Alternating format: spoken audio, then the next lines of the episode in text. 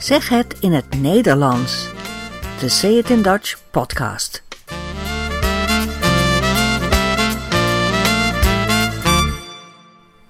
Nummer 24. Welkom bij deze podcast. In deze aflevering praten we over de schrijver Multatuli en zijn boek Max Havelaar. We vertellen iets over Nederlands-Indië. Het mediafragment gaat over handen schudden. Veel plezier bij deze 24ste aflevering van Zeg het in het Nederlands. We zijn in het jaar 2020. Sommige mensen zeggen 2020, maar de meeste Nederlanders zeggen 2020.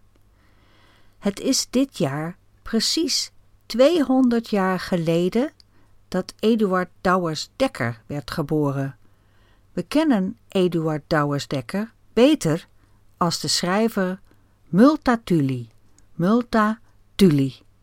Dat is Latijn voor ik heb veel geleden, ik heb veel ellende gehad. Dat was zijn schrijversnaam, zijn nom de plume. Eduard Douwers Dekker, Multatuli dus, werd geboren in de Korsjespoortsteeg in Amsterdam. Dat huis is er nog. Het is nu een klein Multatuli museum.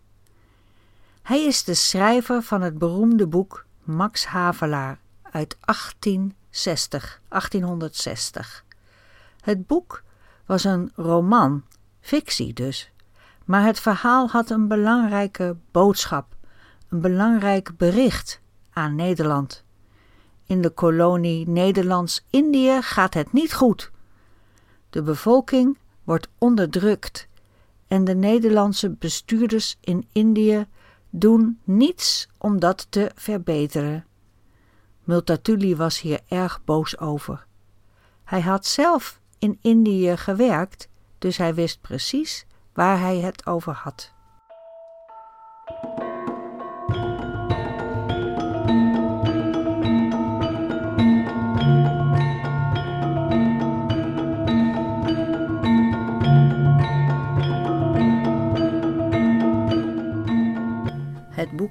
Max Havelaar deed een rilling door het land gaan.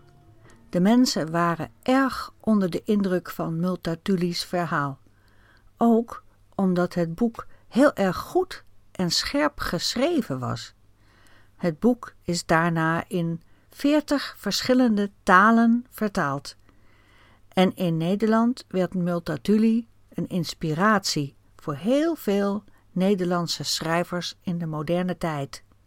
Multatuli schreef niet zoals de meeste andere schrijvers in de 19e eeuw. Je moest toen een strakke vorm gebruiken. Je had veel regels. Maar Multatuli vond de strakke vorm voor boeken heel vervelend. Het voelde als een corset dat te strak zit. Hij schreef dus anders, op een nieuwe manier. Hij gebruikte allerlei genres door elkaar poëzie, toespraken, parabels, sprookjes en hij gebruikte ook verschillende perspectieven. Dat was heel ongewoon in die tijd.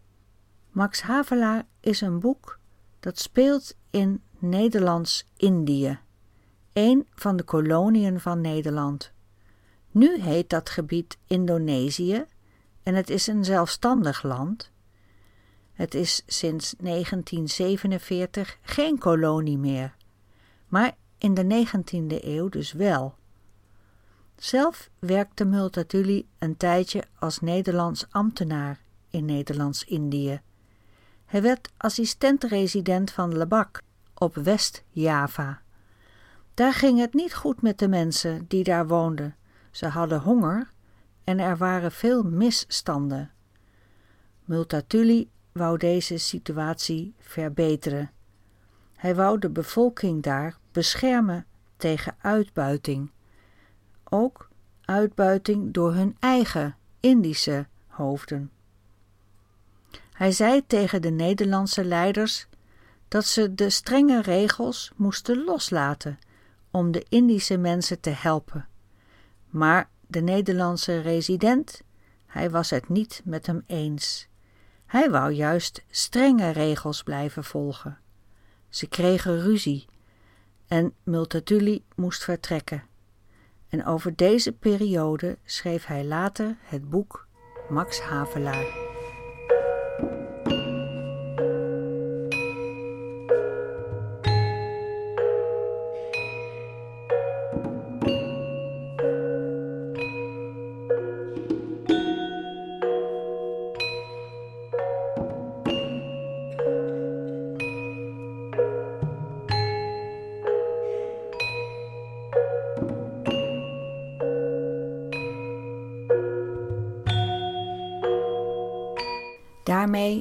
Was hij een soort klokkenluider. Kennen jullie het woord klokkenluider? In het Engels noem je dat een whistleblower. Maar bij ons is het iemand die de klokken luidt in de kerktoren om aan de wereld te vertellen wat er misgaat. Een klokkenluider. Multatuli was een soort Snowden van de 19e eeuw. Hij was de eerste persoon die kritisch schreef over wat er in de Nederlandse kolonie gebeurde. Hij zag machtsmisbruik en corruptie.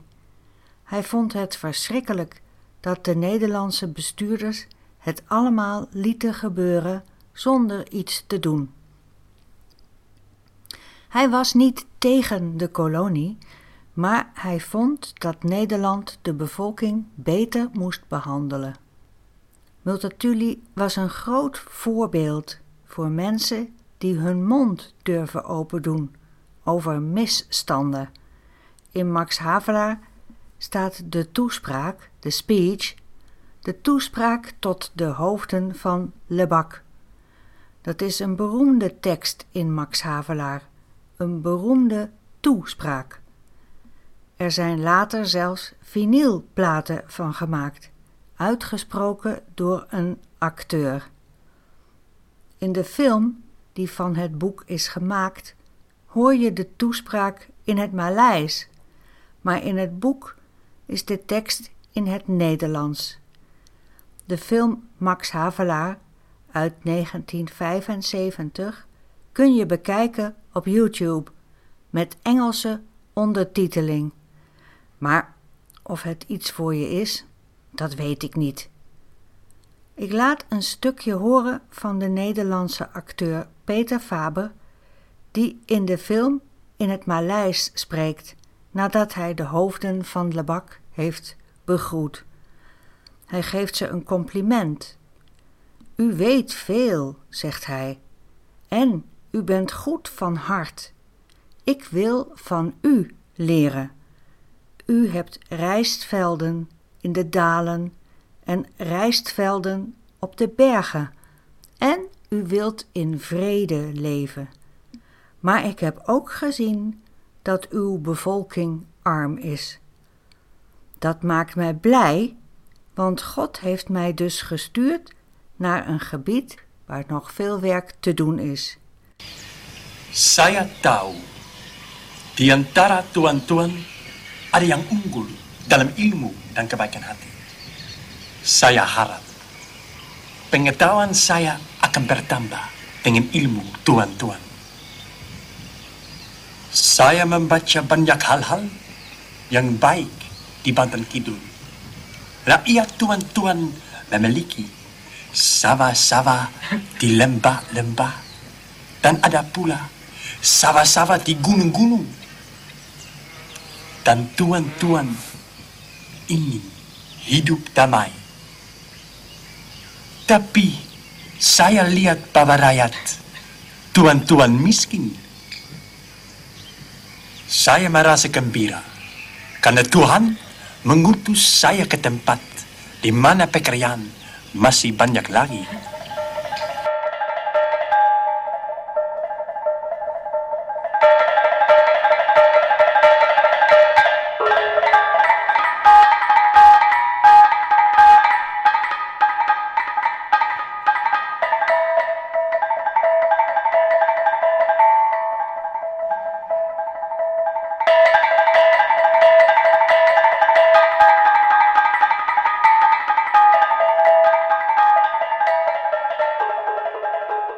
Multatuli zelf was een groot redenaar.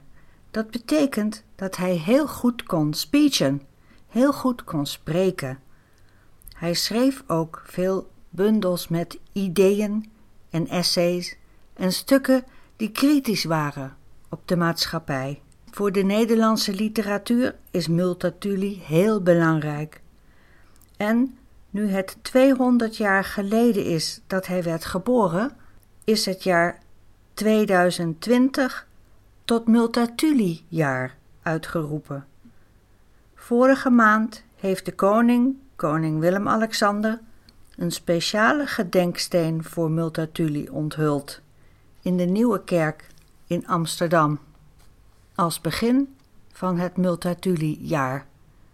Dit jaar komt ook een speciale website Multatuli online. Zijn er allerlei manifestaties en tentoonstellingen over zijn leven en werk. Bali, Lombok, Sumba, Sumbawa, Flores, Timor en zo voort. Nederlands-Indië. Dat was de naam van wat we nu Indonesië noemen. Nederlands-Indië heeft een lange geschiedenis. Het gebied was ongeveer 400 jaar lang een kolonie van Nederland. Nederland ging erheen omdat ze Indiërs wilden helpen, zeiden ze, maar het ging natuurlijk om de producten en de handel. Mijn ouders leerden op school nog de namen van de eilanden in veel plaatsen in Nederland heb je ook een Indische buurt met straatnamen als Borneoplein, Java-laan, Batavia-straat, Sumatra-laan, Aceh-plein enzovoort. Alleen die mooie lichte plaat waarop een kleine Dessa staat, is misschien weg. Bali, Lombok, Sumba, Sumbawa. Flores, Timor en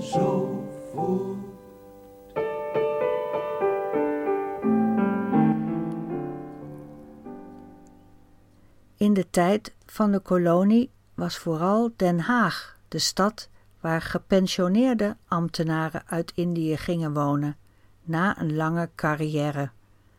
Daar zijn dan ook een aantal echte Indische restaurants met een soort Nederlands-Indische gerechten.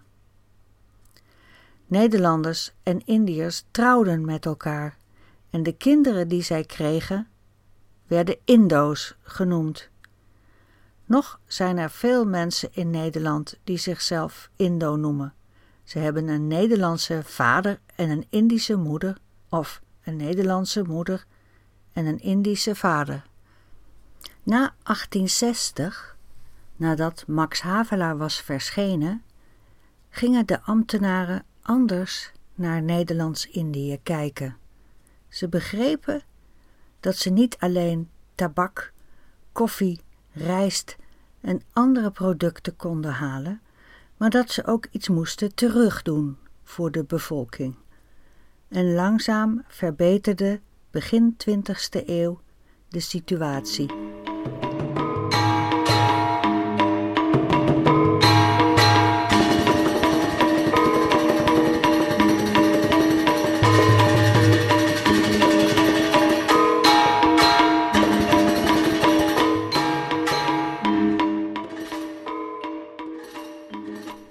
Toen begon de Tweede Wereldoorlog.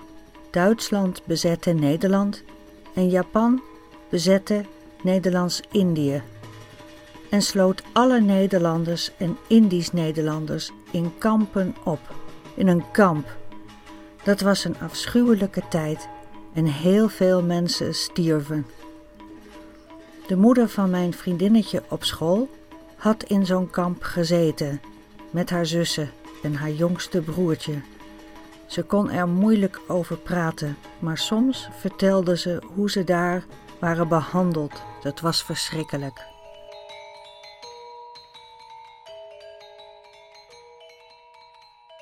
Nadat de oorlog voorbij was en Japan zich terugtrok, wilden de Indiërs graag een zelfstandig land worden terwijl de Nederlandse regering dat niet wou.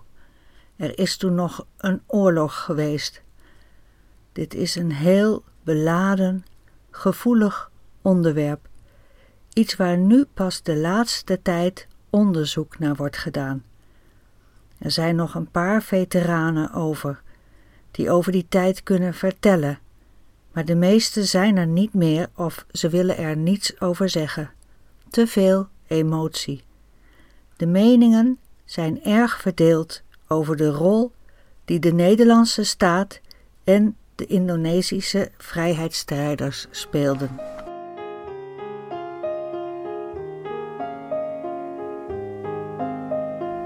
Afscheid van Indië, wat heeft het voor zin? Hoe moet het nu verder met het land dat ik bemin?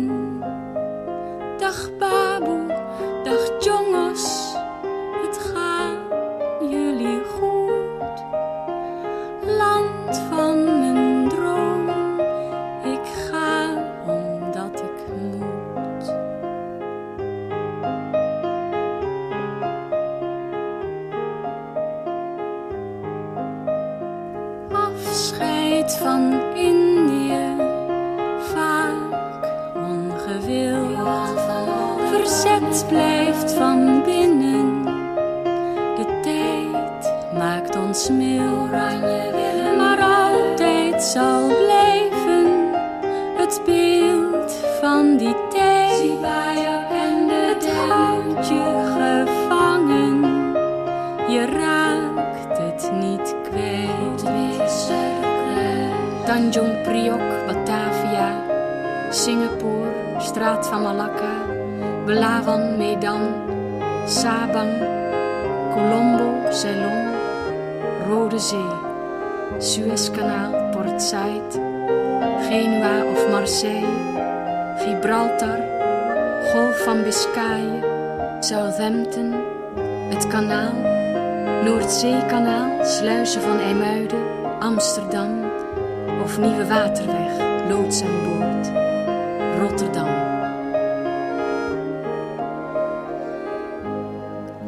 Nee, ze zijn er niet meer, ze zijn er niet meer, de zeereuzen van weleer. Ze brachten ons naar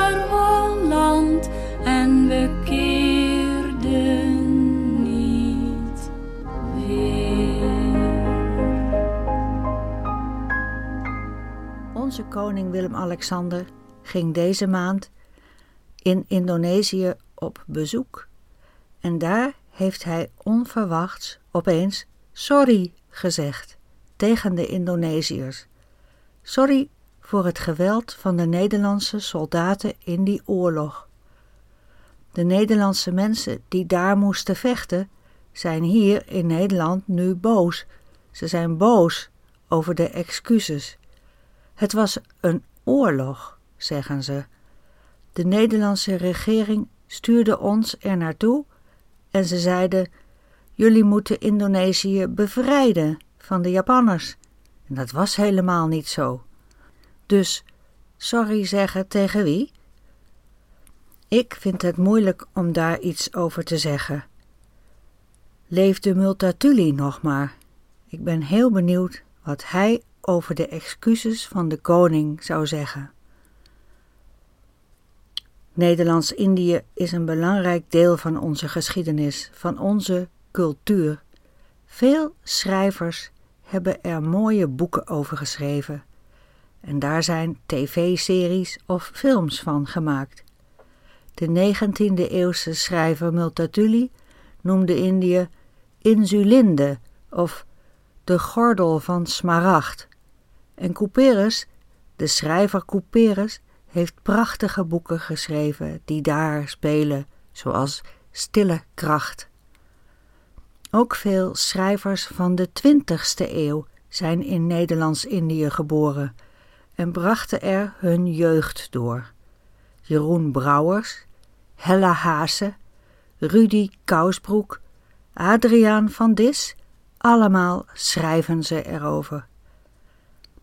Na de oorlog moesten alle Nederlanders Indonesië verlaten. Ze moesten naar het koude, donkere, saaie Nederland gaan. Met de boot. Dat was voor de meeste Indiëgangers echt moeilijk. Zij waren heel verdrietig.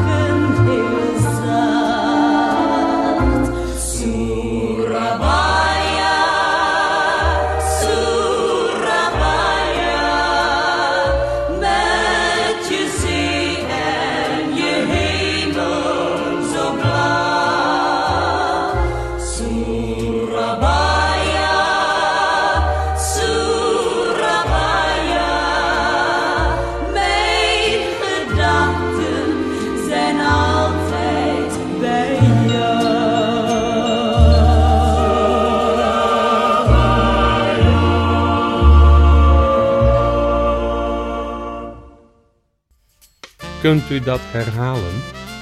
Kunt u dat herhalen? Kunt u dat herhalen? In deze rubriek laat ik iets horen wat op de radio of de televisie is geweest. En daarna kunnen we erover praten. Het mediafragment gaat deze keer over handen schudden. Of eigenlijk het verbod op handen schudden. Het was de eerste maatregel die in Nederland werd afgekondigd tegen het coronavirus. Dat was op 10 maart. Inmiddels zijn er veel meer maatregelen. In dit gesprek van Radio 1 hoor je de presentator en een journalist van de Volkskrant met elkaar praten over het verschijnsel handen geven, de geschiedenis van het handen schudden. Ja, en eh, we hebben het de hele avond al over handen schudden. Geen handen schudden meer in Nederland, zei premier Rutte op de persconferentie begin deze avond. En dat gaat niet meevallen, want we hebben geleerd dat te doen. Vanaf onze kindertijd. Onze ouders zeiden al, netjes een handje geven, Jantje.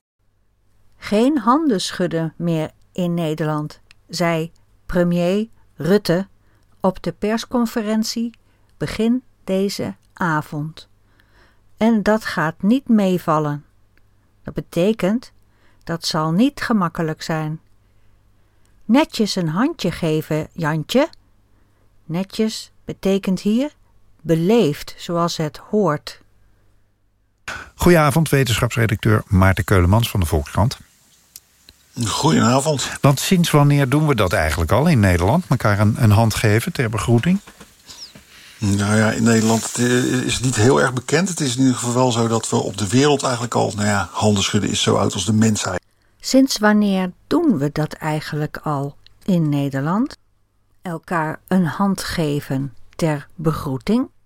Nou ja, Het is in ieder geval wel zo dat we op de wereld eigenlijk al, nou ja, handen schudden is zo oud als de mensheid, vertelt de journalist. Het is uh, uh, al 3000 jaar geleden, in 845 voor Christus, is er een, een tafereel bekend, zo'n gesneden relief uit uh, Noord-Irak. En daar zie je twee koningen elkaar ja, de hand geven. Aha. Dus het is echt al een ontzettend oude traditie.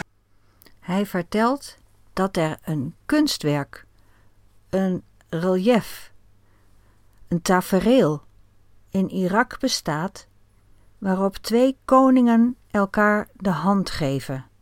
Het kunstwerk is van het jaar 845 voor Christus, dus het is al 3000 jaar oud. De presentator en de journalist zeggen goeie en niet goede. Goedenavond. En ze zeggen ouwe en niet oude. Ze zeggen ook geleden, 3000 jaar geleden en niet geleden. En straks hoor je deeën in plaats van deden. Waarom deden ze dat? Dat is echt spreektaal uit het westen van Nederland. Goed, laten we verder luisteren. Een broodje aap verhaal. Dat betekent urban legend, een verhaal dat niet waar is. En weten we ook waarom die koningen dat deden op dat, uh, op dat moment, uh, 845 nou, voor Christus? Het grappige is, een beetje een broodje aapverhaal is uh, dat, ja, weet je wel, dat het een ritueel is om te laten zien dat je ongewapend bent. Dus je geeft elkaar de hand van, ik heb hier geen wapen in. of je gaat in je hand schudden om te kijken of je elkaar misschien nog ergens een dolk hebt, hebt verstopt in je mouw. maar dat is echt wel een beetje een broodje aap. Een broodje aapverhaal is dat, weet je wel, dat het een ritueel is om te laten zien dat je ongewapend bent. Dus je geeft elkaar de hand van ik heb hier geen wapen in. Of je gaat je handen schudden om te kijken of je nog ergens een dolk hebt verstopt in je mouw. Maar dat is echt wel een beetje een broodje aapverhaal. Het woord broodje aapverhaal is bedacht door de schrijfster Ethel Portnoy, die verhalen in een bundel verzamelde. En een van de verhalen ging over een broodjeszaak, waar ze misschien apenvlees zouden gebruiken. Daar kon je een broodje aap eten, maar dat was dus niet waar verhaal. Ik heb het zelfs nog wel eens een keertje geprobeerd met een collega van mij. Had hij een eh, broodmes uit de kantine in zijn mouw gestopt. ik heb zijn hand geschud. Oh, Voor fact check Heb je al je vingers nog? Ja, en, uh, ja nou, die, die, dat best viel er wel uit. Maar ja, weet je, het is natuurlijk uh, geen, geen goede manier om elkaar te ontwapenen. Ik heb het zelfs wel eens een keertje geprobeerd met een collega. Hij had een broodmes uit de kantine in zijn mouw gestopt ik heb zijn hand geschud. O jee, zegt de journalist, voor factcheck heb je al je vingers nog? Hm, het mes viel er wel uit, maar het is natuurlijk geen goede manier om elkaar te ontwapenen, om de wapens van elkaar af te pakken. Het gesprek gaat verder, handen schudden mag dus nu niet meer. Wat de virussen betreft, gaat dat helpen? Nou, uh, waarschijnlijk wel, want we hebben natuurlijk heel erg de neiging om aan ons gezicht uh, te zitten. Mhm. Ongeveer één keer per minuut uh, zit je wel een keertje onbewust ergens aan je gezicht. We hebben heel erg de neiging om aan ons gezicht te zitten. Aan je gezicht zitten, dat betekent je gezicht aanraken. Ongeveer één keer per minuut Zit je wel eens aan je gezicht? Raak je je mond aan, of je neus, of je ogen met je hand? En uh, toevallig hebben we morgen nog in de krant uh, nieuw onderzoek waaruit blijkt dat uh, het, het, best wel aannemelijk is dat een heel deel van de besmettingen wordt overgedragen doordat ja, mensen aan hun, hun neus zitten onbewust en dan krijg je een beetje virus aan je hand. En dat, nou ja, je geeft elkaar dan een hand erna en dat virus is dan bij de volgende terechtgekomen. Een groot deel van de besmettingen wordt overgedragen doordat mensen aan hun neus zitten. En dan krijg je een beetje virus aan je hand. En nou ja, je geeft elkaar dan een hand en dat virus is dan bij de volgende terechtgekomen. Dus eh, je mag aannemen dat het wel degelijk eh, gaat, eh, gaat helpen. Er is ook een simulatie in Engeland gemaakt met en zonder handen schudden. En dan zie je dat zonder handen schudden dat het gewoon echt ja, veel minder snel zich verspreidt. Oké, nou goed. Dat eh, staat morgen dan eh, in jouw krant, Volkskrant. Gaan we die ook lezen. Dankjewel, Maarten Keulemans. Tot zover het fragment. Ik hoop dat jullie, de luisteraars van deze podcast, allemaal nog gezond zijn en dat het coronavirus snel zal verdwijnen. Als je thuis moet zitten, kun je natuurlijk deze en alle vorige podcasts beluisteren. De transcripts van deze en alle andere podcasts kun je voor een klein bedrag downloaden via www.dutchidiom.com. Hopelijk heb je van deze aflevering genoten en ook een beetje geleerd. Het is leuk als je wilt reageren. Stuur je e-mail aan info@sayitindutch.com. Tot ziens. Zingen Kronjong Kemajoran leuk. Ertussendoor een beetje meezingen, ja? Laju, laju, berau, laju. Iwa manis indung di sayang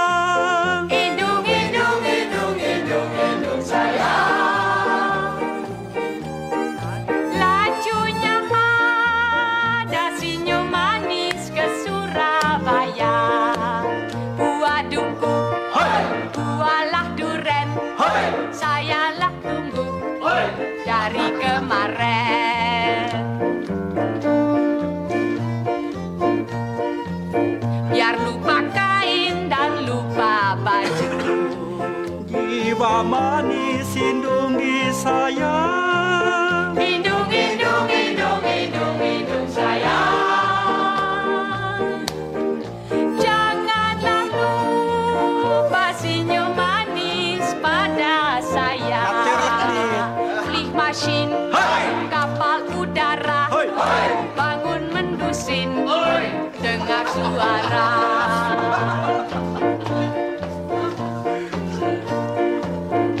ular naga is een grote slang. Iwa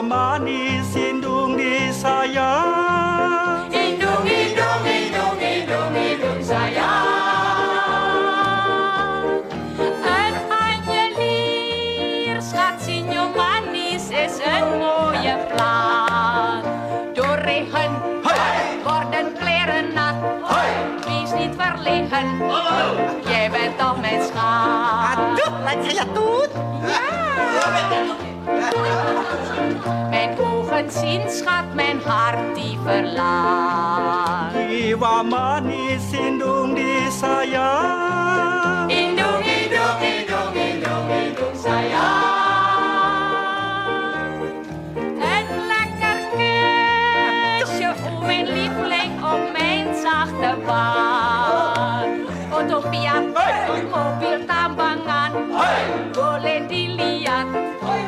hampir jangan